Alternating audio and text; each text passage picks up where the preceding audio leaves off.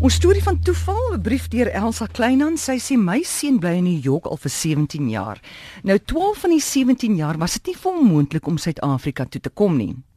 5 jaar terug is hy egter getroud met 'n Amerikaner en het verblyfreg gekry en kon dus reis. Nou op een van sy mees onlangse besoeke aan Suid-Afrika, het ek my seun en sy man op die lughawe gaan haal en die aand het ons besluit ons gaan sommer uit eet.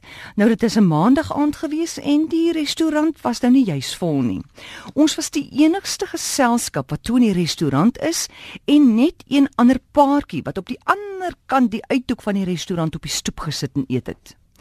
Een van ons tafel se mense stap toe verby op pad badkamer toe. En toe hy terugkom, toe noem hy die paartjie nou by die ander tafel praat met 'n Amerikaanse aksent.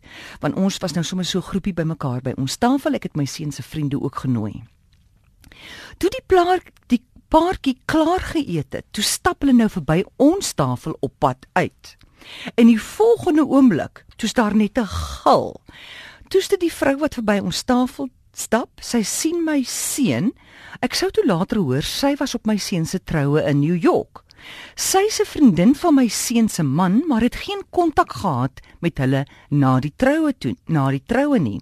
Sy se Amerikaner wat toe met 'n besoek aan haar broer wat hier woon, 'n Suid-Afrikaner ontmoet het en met hom getroud is en haar hier gevestig het.